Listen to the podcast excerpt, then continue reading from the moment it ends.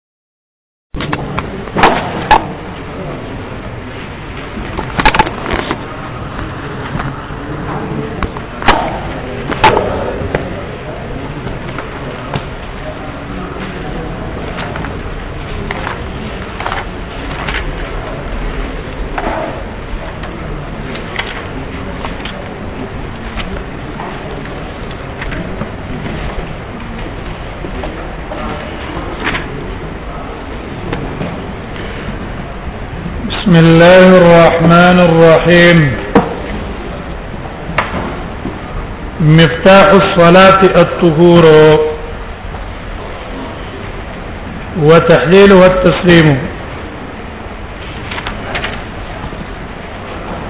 وتحريمها التكبير والتحليل والتسليم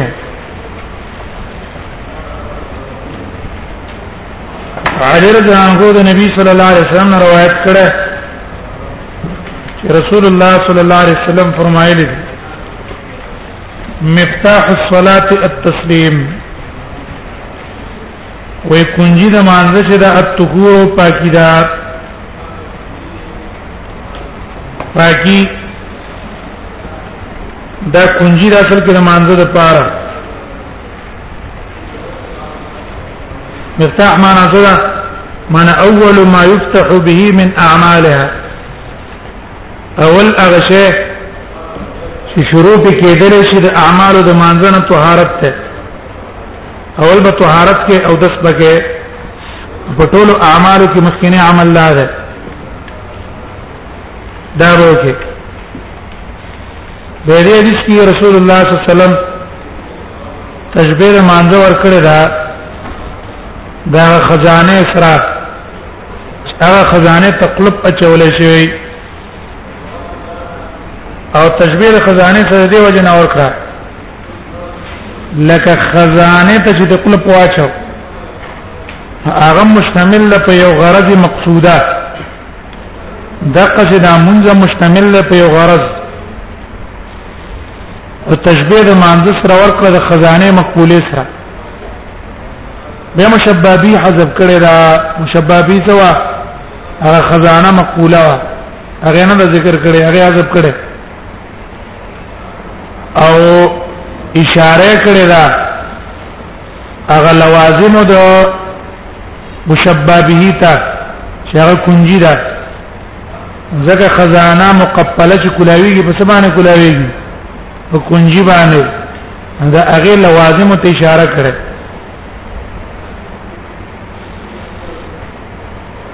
نو مفتاح الصلاه الطهور مفتاح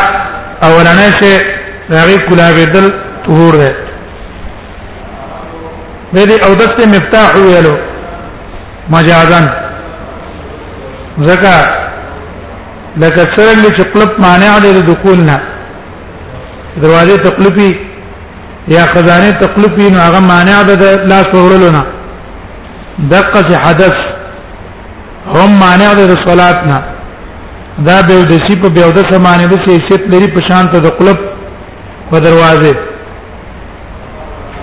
نو مفتاح الصلات الطهور د کی مناسبت شو د مانزه لپاره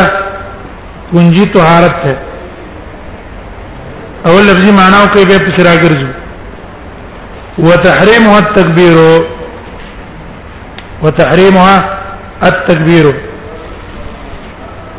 تحریم یو معنا څه ده یا اطلاق د مصدر ده مراد معنی د اسم فاعل ده تحریم مصدر ده معنی د اسم فاعل ده محرم محرم وتحریمها او محرم په مانزه کې التکبیر الله اکبر ده سمانا معنا کوم شي نه چې ستاده پار خارج صلات جایز او اس هغه شي نه پتا باندې حرامي نه د دې محرم تا د پار څوک ده دا الله اکبر ده ها به اسناد تحریم دی الله اکبر ته چې شوی ده دا اسناد مجازا ده ولې زمنګ د سنت الجماعت عقیده دا ده چې محرم او محلل په حقیقت کې الله ده شارع د تحلیل او د تحریم محلل او محرم په حقیقت کې الله ده هغه چې څو غواړي ابا حراميږي او چې هغه کوم شي ته حلال وي ابا حلالي او دلته نسبت د تحلیل او د تحریم الله اکبر او سلام ته شوی نو دا مجازن شوی دی مجازن حقیقت کې محرم الله دی چونکه دا سبب ته د حرمت نه دی وجه نسبت ته تحریم شو نه احتمال څه شو چې تحریم معنا مصدری مبني للفاعل تحریمها معنا محرمها حرامون کې دې مانزه الصلات الصلات ده دویم احتمال په کې ده چې تحریم په معنا د حریم ده او احرام حریمه او احرام حریم تاسو پیژنئ هغه دا وسط په شی ته وي زنه یو دا کور دی د دیوالونه دی یو د دې من حریم دی میدان دلته تحریم په معنا د حریم نه به عبارت کې به تقدیر د مضاف وي عبارت کې به تقدیر د مضاف وي دسی به وي الدخول في حريمها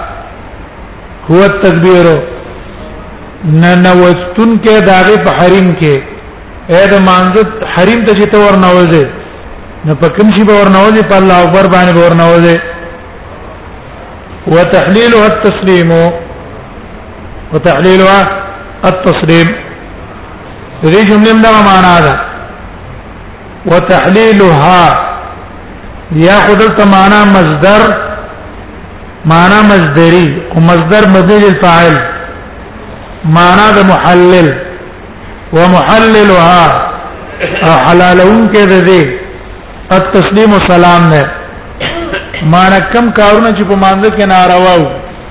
خبره ناروا وي خوراک ناروا وو اسکات ناروا وو اخوا دې خوا قتل ناروا وو اوس چې سلام دې مانځنه وګرځول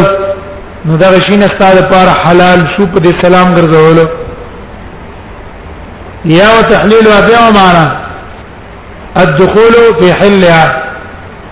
او دې په حل کې نو تل په سبا نه دي په سلام باندې دي په سلام چې سلام دې وګرځاو نو اوځي به دې حدیث کې درې احکام دي درې احکام یو حکم تعلق د او د سره لري دیو جنا محدثین امام ترمذی همدار امام ابو داود به مراوړي په کتاب الوضو کتاب الطهارت کې مفتاح الصلاه الطهور د جملې د وجنه ور طهارت فرض ده او د استفاره غیر د طهارت نه مون جایز نه ده نو دیو مسله او دریو مسله تعلق د مانزه سره لري د تکبیر او د سلام سره دیو جن محدثین به بیت په کتاب الصلات کې دایری سره وړي امام ابو داود په کتاب الصلات کې راوړي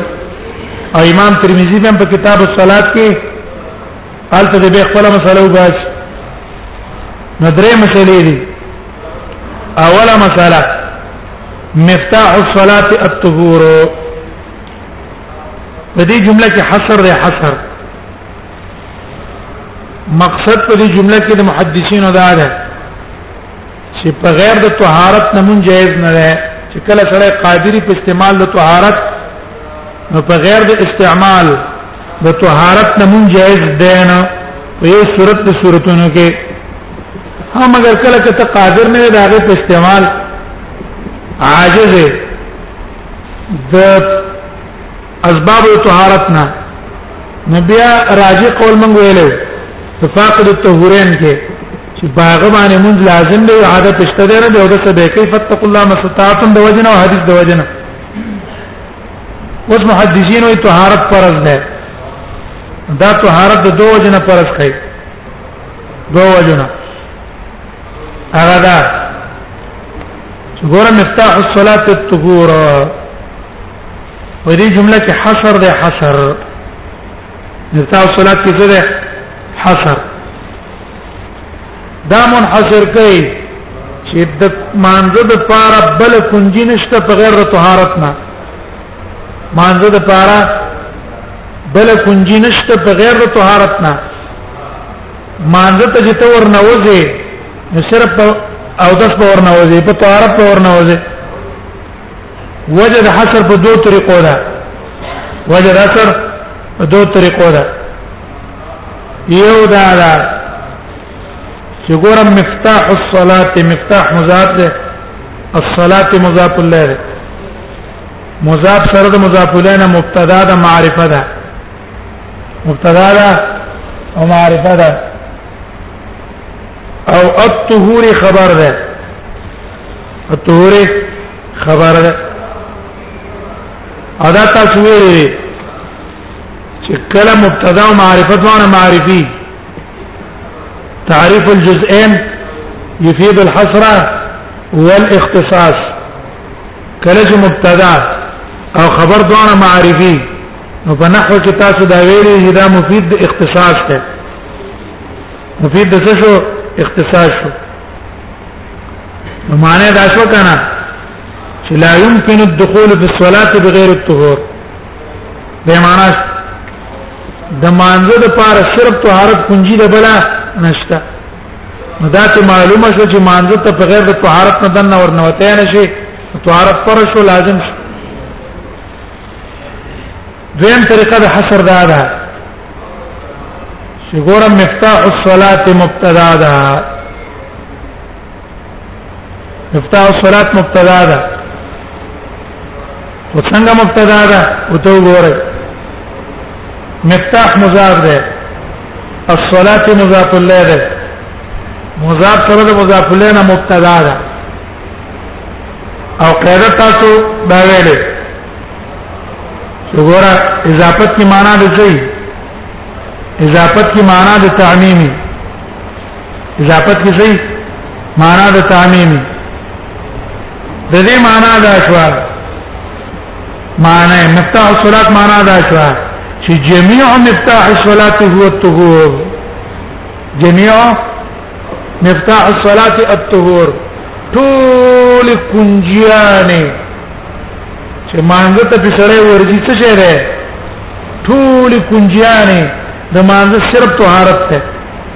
ټولي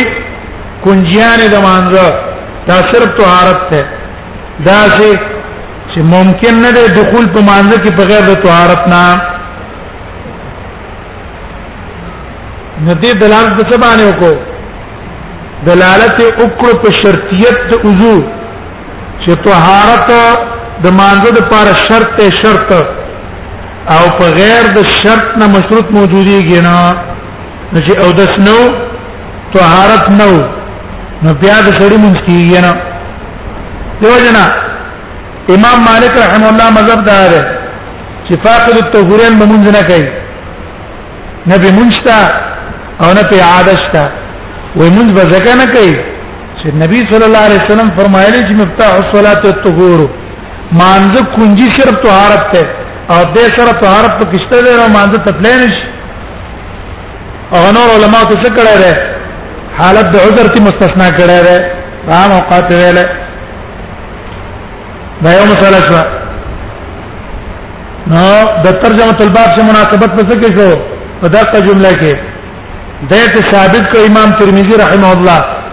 او د شرط د پاره د صحت د مانزه او په غیر د مونږ سره مونږ په غیر د او د سو په غیر د طهارت نه مونږ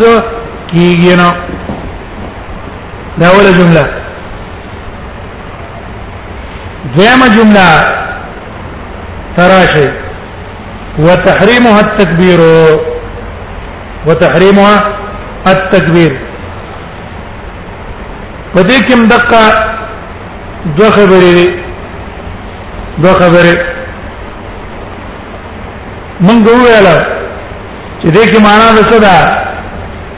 دې کې معنا د تخصیص ده لکه مخکې جمله کې موږ دا ثابت کړ چې مانزه ته په غیر د طهارت نه ورتلې نشي دقه چې مانزه کې په غیر د الله اکبر نه داخلي دل نشي نو په دې کې دا شو چې ګوره تحریم او هم معنا د حصر اختصاص ته په دوه طریقو یو تحریم مضاف ده ها ضمیر تا دا ها ضمیر صلات تراجه ده مضاف الیه ده مضاف سره ده مضاف الیه نه مبتدا معرفه او التکبیر خبر او قاعده ول کې موږ څه ویلا قاعده موږ دا ویلا چې تعریف الجزئین يفيد الحصر والاختصاص کله چې مبتدا معرفي او خبر معرفي الته معنا د څه د تخصیص د تخصیص نو معنی هم دار وتا چې لا يمكن الدخول في حريمها الا بالتكبير نو مانزه حریم ته ورنوتل ممکن نه دي مګر صرف الله اکبر سره دویم طریقه د حصر دا شو چې ګوره تحریم مضاف ده ها ضمیر ته او بلکې موږ وایو چې اضافت کی معنا د تعمیمی کې نه اضافت کی معنا د تعمیمی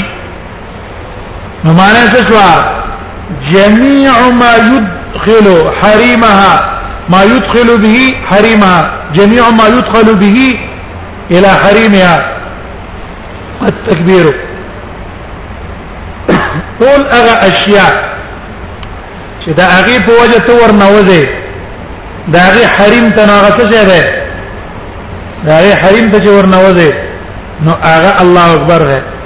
الله اکبر نه بغیر په بل طریقه دا هغه حریم ته ورتل نه شي دا مثلا ته معلومه شو وز دې جملې په بنا اگر که دې مثال مسلې تعلق د صلات سره ده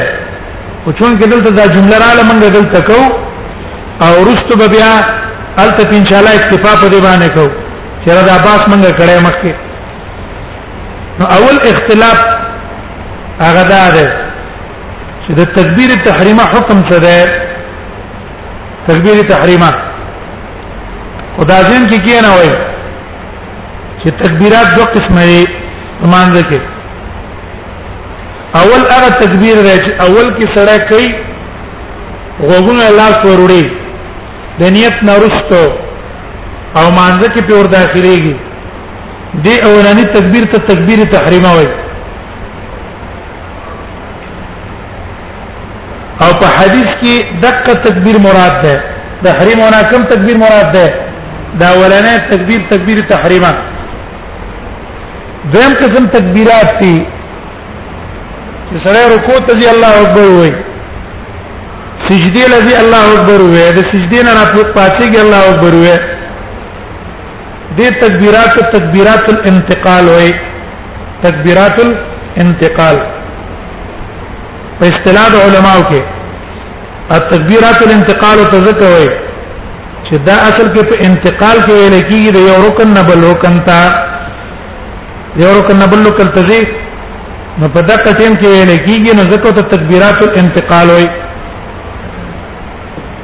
دا تکبیرات الانتقال په اتفاق د علما سنت ته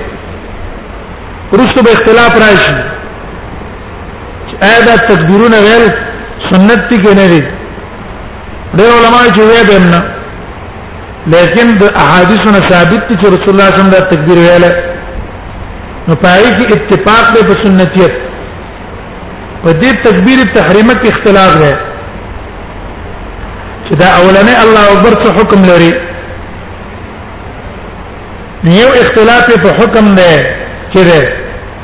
او دویم اختلاف په تعین د لفظ کې دی دوه اختلاف دي یو اختلاف په حکم کې چې د حکم د وجوب پر زیات ته کړي سنتیت ته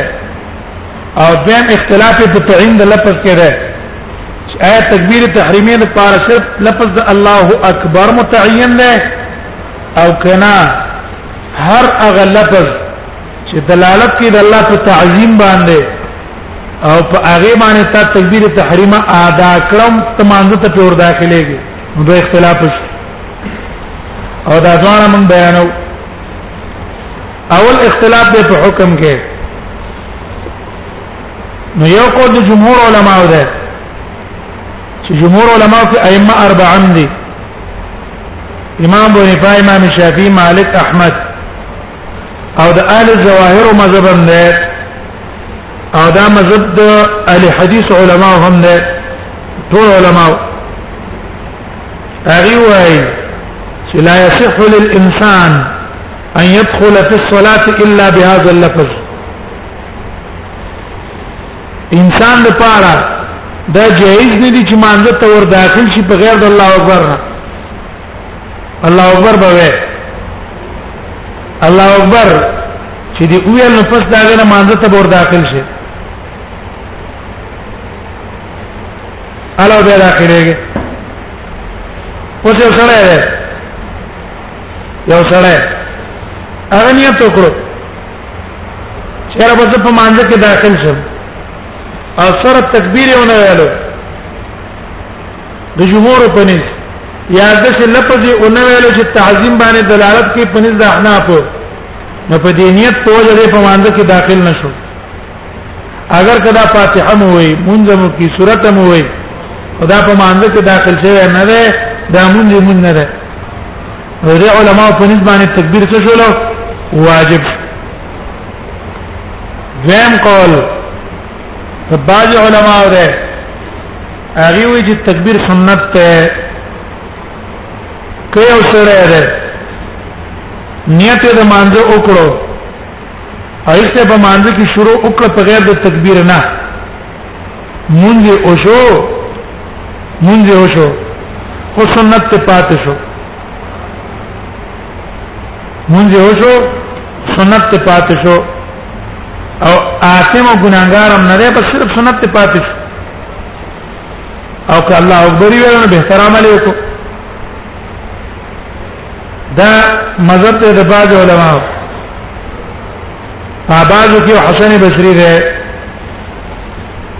زم سعيد بن المسيب ده درم حكم ابن عيينة ده حكم ابن عيينة اندانګ دا قول د اوزاعي او د محمد ابن شهاب الزهري رحمهم الله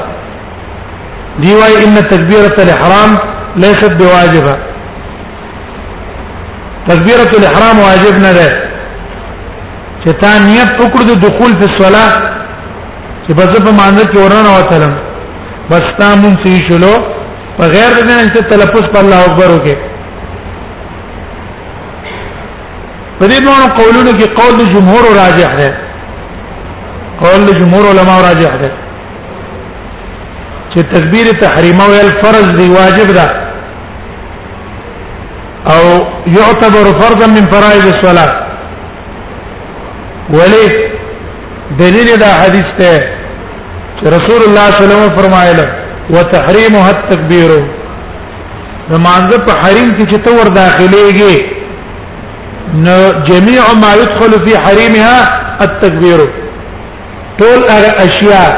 چې دا غي په وجه ته په حریم په مانځ کې ور داخلي کې نو هغه کم یو شی دی هغه الله اکبر دی الله اکبر ها دیو جنا دا حدیث نفس ته په فرضیت څه کې په فرضیت د تکبیر کې دا په دلیل او د کم نه معلوم شو د حصر نه معلوم شو دا ورنه اختلاف شو دویم اختلاف د فتعین د لفظ کې د جمهور علماو په نيز چې آیا دا لفظ د الله اکبر د ریده او کنه نو یو مذهب د جمهور علماو ده جمهور علماو مذهب دا ده چې لفظ تکبیر دا متعین نه او لا يجوز يا لا يصح الصلاه الا بالتكبير الله بالتكبير نه بغیر بل الفاظ د تعظیم چې دلالت کوي د الله په عظمت لکه الله الجل الله العظم وغير ذلك په دې باندې سره مانده ته داخلي دلې نشي دویم مذهب ده د امام بونیفه امام بونیفه رحم الله وايي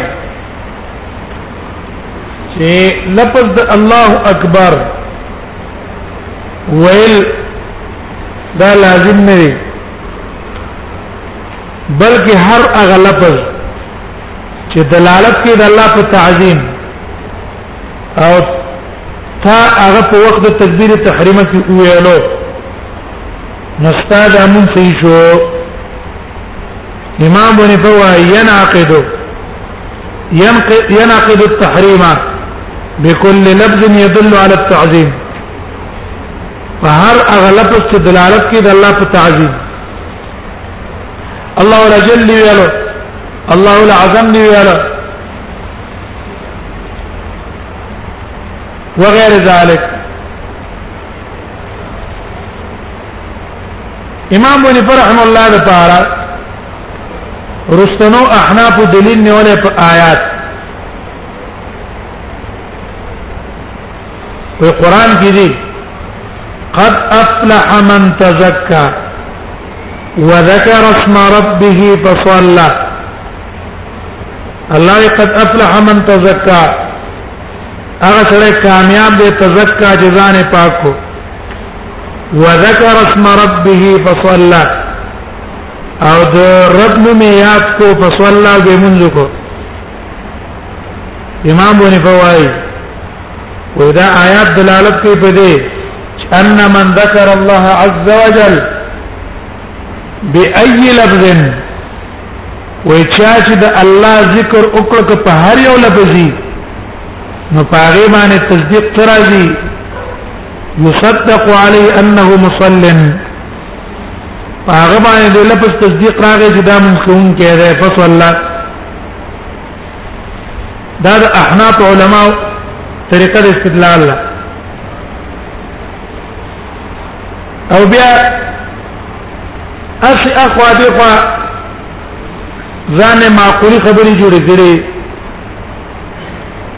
لیکن امام بونی فرحم الله استدلال کې نظر دې د دوه وجنه یو وجه د نظر دا ده چې څو سلف علماء را لګیدلې هغه دا ذکر محمول کړی دی په اذکار د اختر او صلات محمول کړی دی په صلات العید باندې او د آیات تعلق د مانځ سره نشته کوئی آیات تعلق لري د اختر سره وای معنی دا ده قد افلح من تزکا اے زکات الفطر کامیاب دی هغه انسان تزکا چې زکات فطر ورکو وذكر اسم ربه او د الله نوم یاد کو معنی څه ده کبر التکبیر ليله العيد دا اختر پښپا باندې تکبیرات ویل او فصلى سي صلاه العيد اختر مونږ یو کړو او دا قول د بعض سلف ده نشه دا قول په بنا باندې واخلې نه دا آیات به پوره دلیل نه ګرځي د پاره د جواز د تکبیر تحریمی بكل لفظ يدل على التعظیم په هر اغلب څه دلالت کوي په تعظیم باندې داګه د پاره دلیل نه ګرځي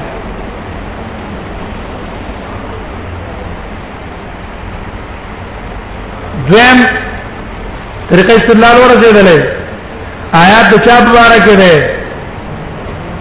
خاص ته په صلات عید او تکبیرات پورې او دلته مسله ده صدا د تکبیرات تکبیر تحریمی ده دویم جواب دویم وجه د نظر دا ده دویم وجه چې ګورا ټیک د رسول الله صلی نبی الله پاک خلفظ ذکر ویلو وذکر اسم ربه ذکر وذکر اسم رب وذکر اسم ربه دا ذکر مجمل له مجمل ذکر سره مجمل له شامل له الله اکبر ته شامل له الله ولجل توب او شامل له الله اعظم توب او شامل له بل نوم د الله توب مجمل له کنه نو بیان دا غي رسول الله صلی الله علیه وسلم وکړلو بیان چا وکړو رسول الله صلی الله علیه وسلم وکړلو په دې حدیث را چې وتحریمه التکبیر وتحریمه التکبیر او قاعده دا ده چې مجمل لفظ ذکر شي او تفسیر رسول الله صلی الله علیه وسلم وکي هغه مجمل مونږ په چا باندې راستو حمل کو به په تفسیر د مجمل باندې کنه چې تفسیر کړه ده دارنګه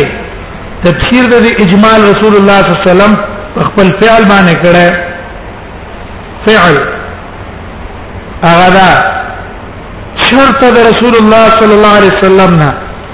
په یو حدیث کې دا ندی ثابت چې رسول الله صلی الله علیه وسلم ابتداء صلات الله اکبر نه بغیر په نور الفاظ باندې کړی کچرتا دا وذکر اسم ربه د دې نه مراد څه دی صرف هر هغه لفظ وي چې دلالت کوي په تعظیم د الله نو رسول الله صلی الله علیه وسلم خو بن کله په عمر کې یو ځل ابتداء د صلات په الله الاجل الله العظم باندې خو کړه وې کنه د دې لپاره چې دلالت کړه وې چې الله اکبر لازم نه ده بلکې نور الفاظ هم جائز دي خو عمر کې چرته د رسول الله صلی الله علیه وسلم ثابت نشو نو دا عدم ثبوت دلالت کوي په دې چې دا الله اکبر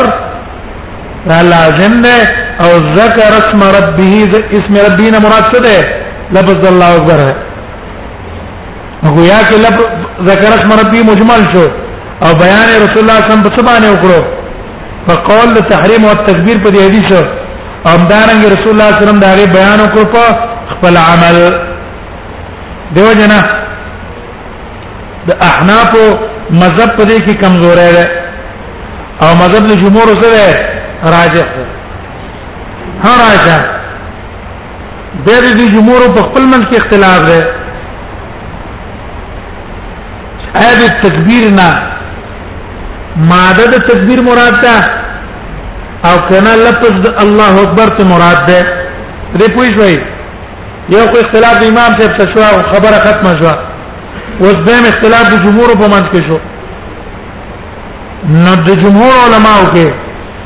یو مذهب د امام احمد او یو مذهب د امام مالک او دا د اکثر سلف علماو مذهب دی اکثر سلف علماو اغي وای چې لفظ د تکبیر نه او تحریم او تکبیر نه مراد لفظ د الله اکبر ده الله اکبر به کله الله اکبر په ځای تابل په استعمال کو الله الاکبر دی الله کبیر دی ویلو الله الكبير دی ویلو هم په دې باندې ستا مونږ یې کیږي نه او مانزه ته ور داخليږي نه ترڅو پورې چې لفظ الله اکبر ته استعمال کړي نه صرف الله اکبر لفظ ده دا مذهب دی امام احمد دا مذهب دی امام مالک او دا مذهب دی محدثین علما او اکثر سلف دا مذهب امام شافعی دی امام شافعي رحمه الله هغه وایي چې الله اکبر ابتداء منذ سيتي باحد باحد اللفظين په دې ځان لفظونه کې چې کوم لفظ استعمال کو منذ سي شو الله اکبر الله الاکبر الله اکبر الله الاکبر سمانا کوم نکره استعمال کړه او کوم معرفه استعمال کړه او الله اکبر او الله الاکبر وې دې دوه الفاظ کې کوم یو لفظ استعمال کو شي دا لیکن امام مالک او امام احمد اکثر سلف وې جنا الله اکبر به الله الاکبر دی ویل به موږ صحیح نشو دریم مذهب په جمهور کې د ابو یوسف صاحب دی امام یوسف وايي چې هر هغه ماده چې دلالت کوي په تکبیر هغه باندې ابتدا د صلات سیدا الله الكبير الله الله اکبر الله کبیر الله الاکبر الله الكبير دا څلور واره ماده دلالت کوي په چا باندې په تقدیر د الله او په کبریا د الله نو دې کې چې د اره ماده استعمال کړه نستا مانده ته نوتل صحیح شو دخول مانده ته صحیح شو مونږ دې صحیح ده د دې دلیل دا ده دلیل وې دې ټول ته تکبیر وینو دلیل د امام شافعي د امام یوسف دلیل دا ده وې دې ټول ته تکبیر وې نو په لفظ د وتحریم او تکبیر کې داخل شو او امام شافعي دلیل دا ده امام شافعي چې الله اکبر او الله الاکبر و دې دوه کې هر یو لفظ استعمال کو وې مونږ یې ځکه صحیح ده چې الله اکبر کې صرف الف لام زیات شو الله اکبر کې څه زیات شو الف لام زیات شو او په الف لام زیات دو باندې الف لام زیات دو باندې دا د خپل معنا نه اونوتو خپل معنا نه اونوتو حاصل اختلاف باندې پیښوي امام شافعي وی چې الله اکبر الله اکبر خیر امام یوسف وای الله اکبر الله کبیر الله اکبر الله کبیر ذکر اره ولا په استعمال کو ټیک ده اولنی قول د جمهور علما هغه وی چې نه صرف الله اکبر به استعمال ہے نور الفاظ صحیح نه دي اوس دلائل د جمهور سره ندا دلائل جمهور چې من کوم بیانو ندا دلیل د دې خبرې لپاره ده چې صرف په الله اکبر باندې مانځ کې نه وتل کیږي په بل ماده نه کیږي او هر اغلب څه دلالت په تعظیم باندې کوي په هغه باندې ته مانځ ته نشي ورنه وتل تر څو پورې چې طالب الله اکبر استعمال کړي نه دا دلیل اصل دا دلایل د د دې دوم خبر لپاره کړه چې الله اکبر وایي بل الفاظ بنوي اول دلیل د دې جمهور علما هغه دا ده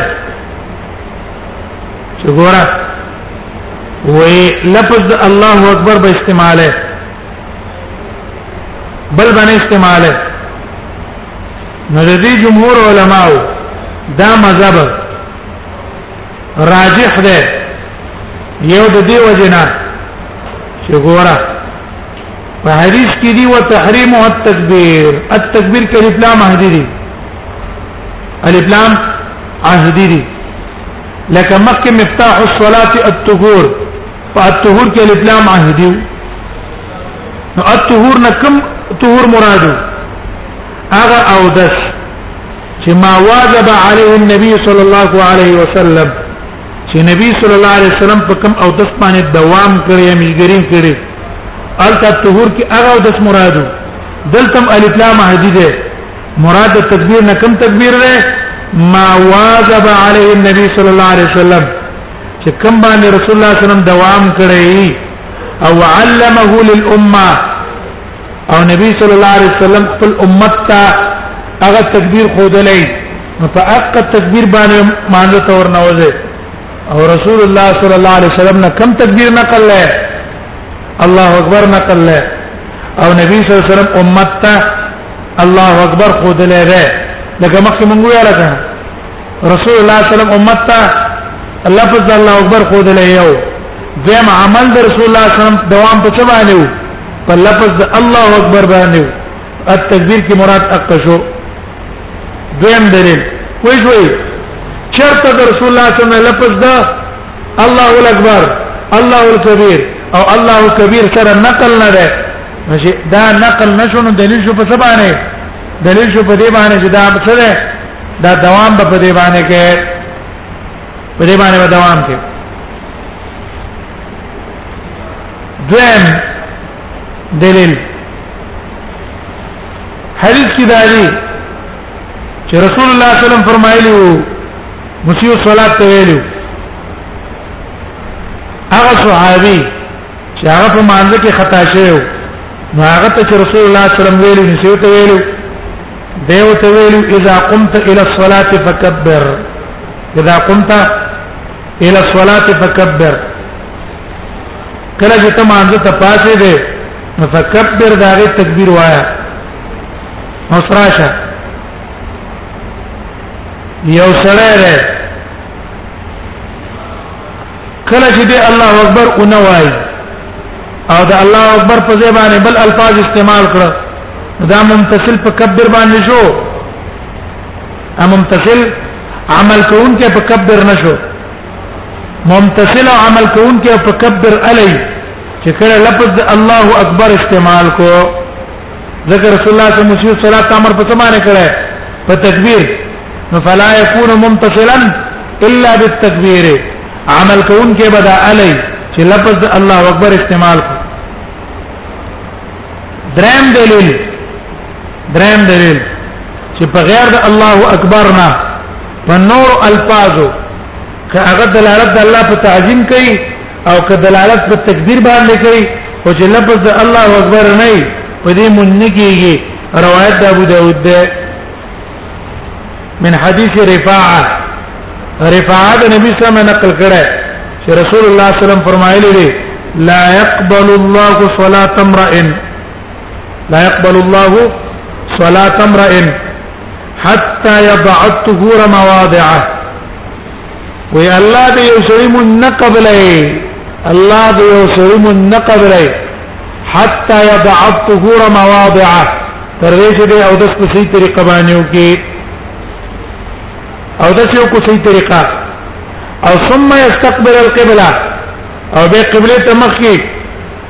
او یقول الله اکبر او به سوې به الله اکبر وې وګوره دې حدیث کې رسول الله صلی الله علیه وسلم څه ویل چې په غیر د الله اکبر ویلو نه په غیر کته نور الفاظ استعمال کړو چې هغه دلالت کوي د الله په تعظیم یا دلالت کوي په تکبیر الله دې موږ قبل نه ترڅو پورې انسان دی تر دې چې ترڅو دې الله اکبر لفظ نه استعمال کړي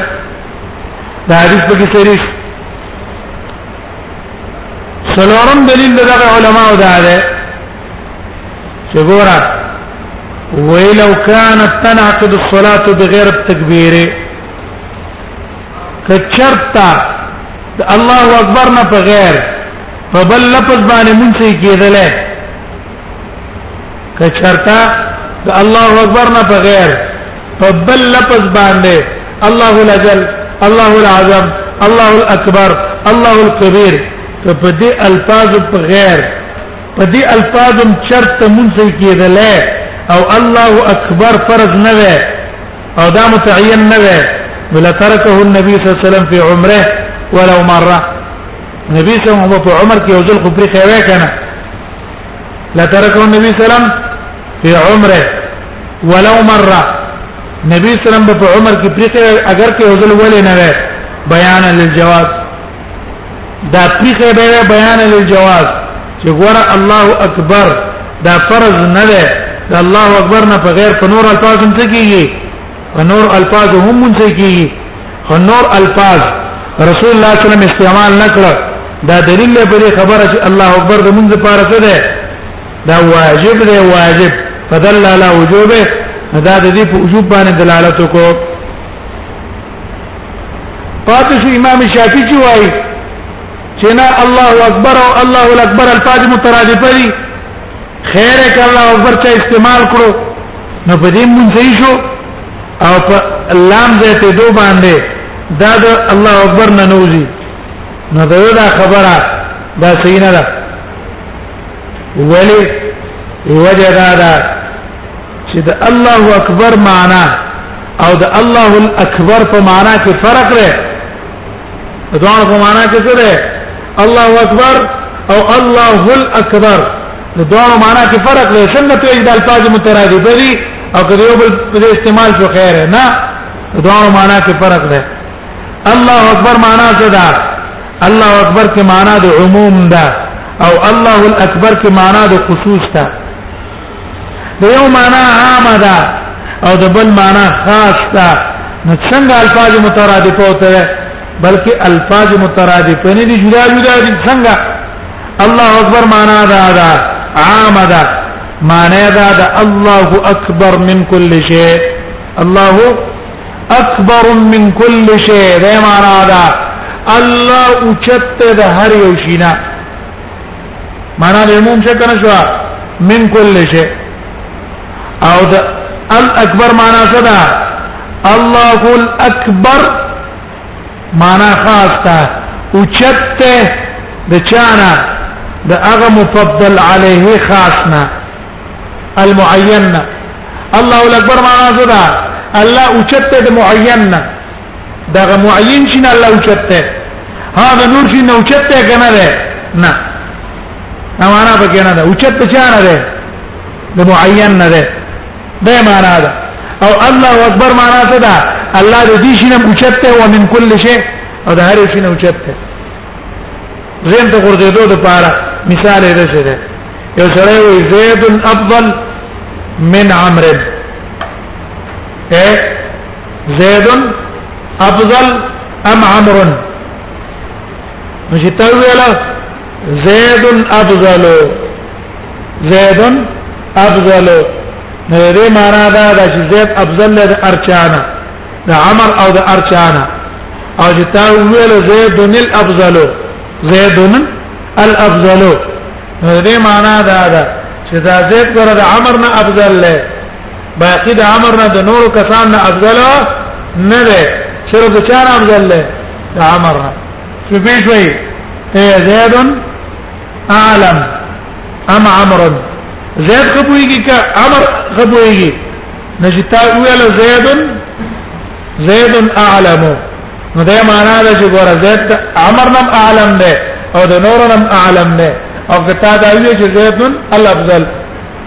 زید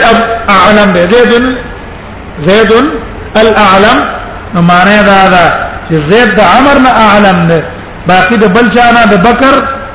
او د دینورو نه عالم نه ده نو دوار الفاظ مترادف شو نه دوار من کې فرق شو نو دیو جنا دا خبرم ستاسو نه ده او پاتې شو ماده ماده هغه جوابم په خپل وشو چې کچرته ماده باندې تحدید تاسو وی نو رسول الله صلی الله علیه وسلم بچو ویلې نبی صلی الله علیه وسلم ویلې وتحریمها التکبیر چې دې حریم ته په څه باندې ورنه وځي په لفظ د ماده د تکبیر باندې ورنه وځي هنا رسول الله صلی الله علیه وسلم تعین په حدیث کې په کوم لفظ باندې وکړو وتحریمها التکبیر چې ګوره حریم ته به ورنه وځي صرف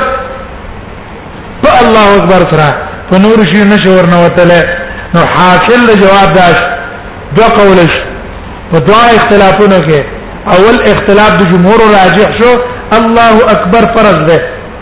په غیر الله اکبر نه مانځه ته ورنوتله نش یو دا مسله معلومه شو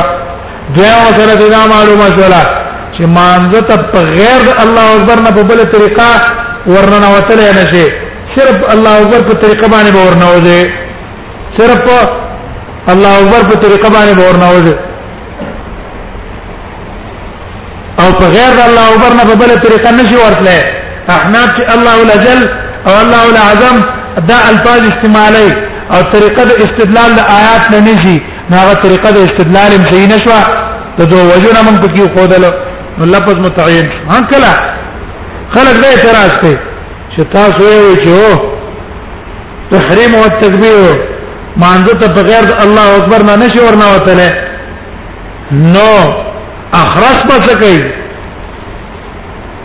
اخرس بس کوي دا سره په جبه باندې چاړه ده په جبه باندې چاړه ده ټیک څه نو هغه به مانځ ته چور نه وځي څه به کوي چې تاسو وی الله اکبر فرض ده منګ وایو چې یا حنفي عالم چې ته په ما باندې اعتراض کې ستا مذهب تعالی چې تکبیر تحریم فرض ده نو منګ وایو دا خرج به څه کوي منګ وایو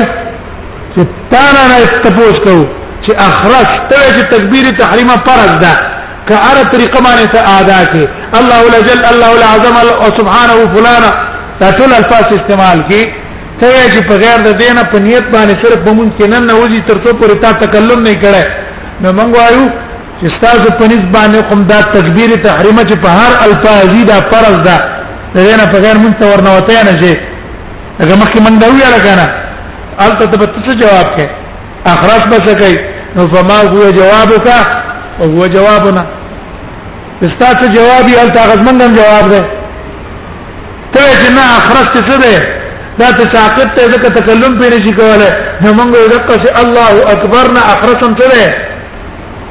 معذور ده تکلم پې کوله نشي ته ساقط ته نو موږ اوسه خبره خو یو ده اچ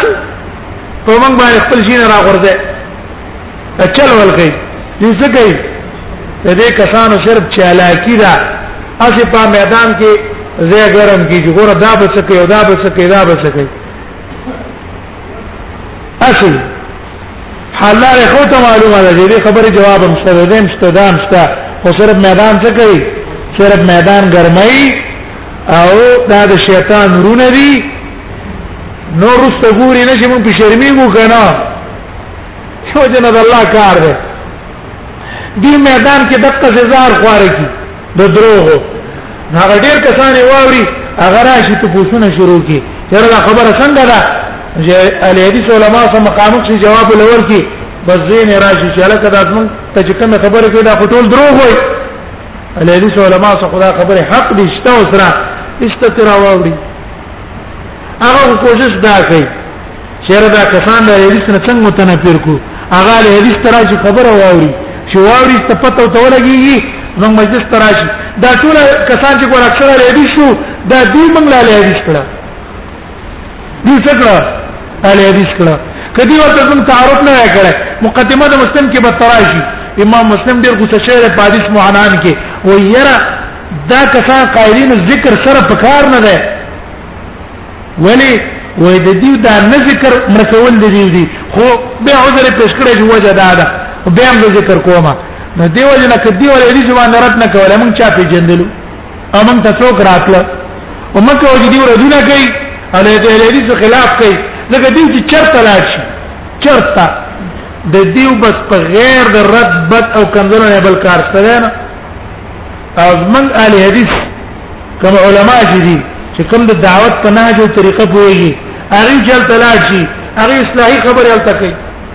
الله رسول ته خلق را بلی د امامان احترام او تعظیم بیان کې خلکو ته سیدینو ته بیان کې خلک مریان چې دا صحیح خبرې دي څه نقصان پکې نشته دیو جنا د دې مخالفتونو زمنګ د پاره خیر ده قال پته څه ده څنګه کو تمو چې تب پریشان دي دا څنګه چې ته کا کار او تخپل دعوت جاری ساته ګوره د دعوت اصول لري چې وځي کې به تا ته خلق مقابله جوړي ته مقابله ځان ته ما جوړاوه تخپل دعوت جاری ساته کته دا غي په جوابونو شی به په یو کنځله کې ته به دا غي جواب کې جواب در په بل کنځله کې بیا به دا غي جواب کې به ورځ بل کنځله کې ته به دا غي جواب کې سیدین نه بچي او بوزه بس تخپل دعوت جاری ساته اذان نه چو ګرځول که سره استاد خبرو نه خبرم نه مخکي دعوت کوا دا طریقه ده نو دیو جن موږ وایو اخرس که چې تاسو ته حکم یا غزمنګ حکم نه ها موږ وایو دا اخرس نه الله اکبر دغه ساقط ته چې قادر پنه ده فتقوا الله ما استطعتم فاتحه فرض ده اخرس ویل نشي ها که اخرت په تلفظ کولای شي ودی کی کنه شو تلفظ کوله تصور به وکي که تصور هم د فاتحین ورځي بس او بدريږي اساس به ودريږي دون تصور او خیال خیال به الله د تعظیم راولي او بیا برسو دا نوځي فتقوا الله مستطاعتم آیات د وجنه دیم دا حدیث د وجنه نبی سلام ته کسان راغلي فاتحه ولا نورتلا وجه څوک ما رسول الله صلی الله علیه وسلم تل بس دا هوا هغه کافي کړه وتحليل والتسليم دا دریم حکم به ان شاء الله سبب بیان کو ځکه وخت ختمېدو باندې معلومیږي